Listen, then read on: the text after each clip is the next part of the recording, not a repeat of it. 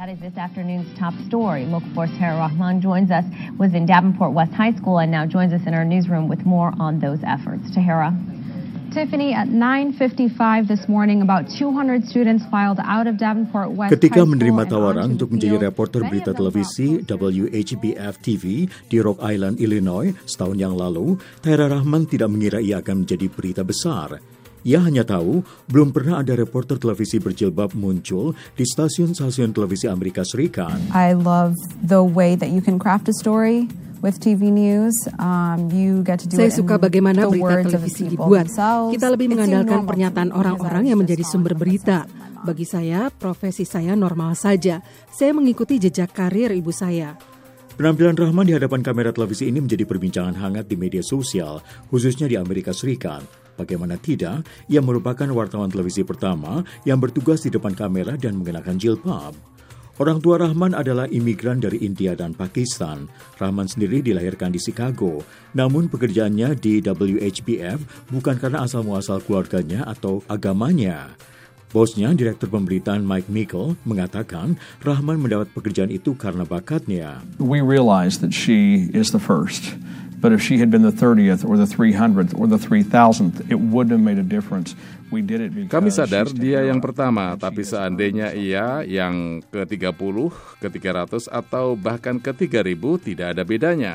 Kami melakukannya karena ia tahera dan ia berhasil merebut kesempatan ini. Meski Tahira Rahman tidak menganggap apa yang dilakukannya istimewa, komunitas muslim di berbagai penjuru Amerika menganggap keberhasilan Rahman membuka peluang bagi rekan-rekan sebayanya dan bahkan generasi yang lebih muda.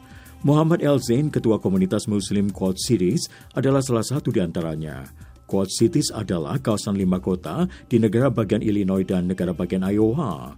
Siaran WHPF TV mengudara jelas di Quad Cities. It shocks me actually. It's empowering to our kids to see anybody with a veil anywhere. Because our kids Sebenarnya ini mengejutkan saya. Ini seperti memberdayakan anak-anak kami karena bisa melihat orang berjilbab di mana-mana. Anak-anak perempuan kami yang kini duduk di bangku SMA tidak tahu pilihan karir yang tersedia. Kini mereka bisa membayangkan ada seorang perempuan berjilbab seperti mereka muncul di layar televisi. Alzain mengatakan penduduk Quad City sekitar 400 ribu orang. Dari jumlah itu, 1000 di antara mereka muslim dan jumlah itu berkembang dengan cepat. Meski demikian, tampil di televisi dengan berjilbab bukanlah tanpa tantangan. Tak lama setelah muncul di televisi, ia mendapat tiga email yang mengatakan agama yang dianutnya adalah agama setan dan ia dianjurkan untuk berpindah agama. Tapi Tahira Rahman mengabaikannya. Terlepas dari kontroversi, perempuan-perempuan muslim berjilbab di Amerika kini kian berani merambah karir di bidang-bidang yang sebelumnya dianggap tidak mungkin oleh kaum muslim.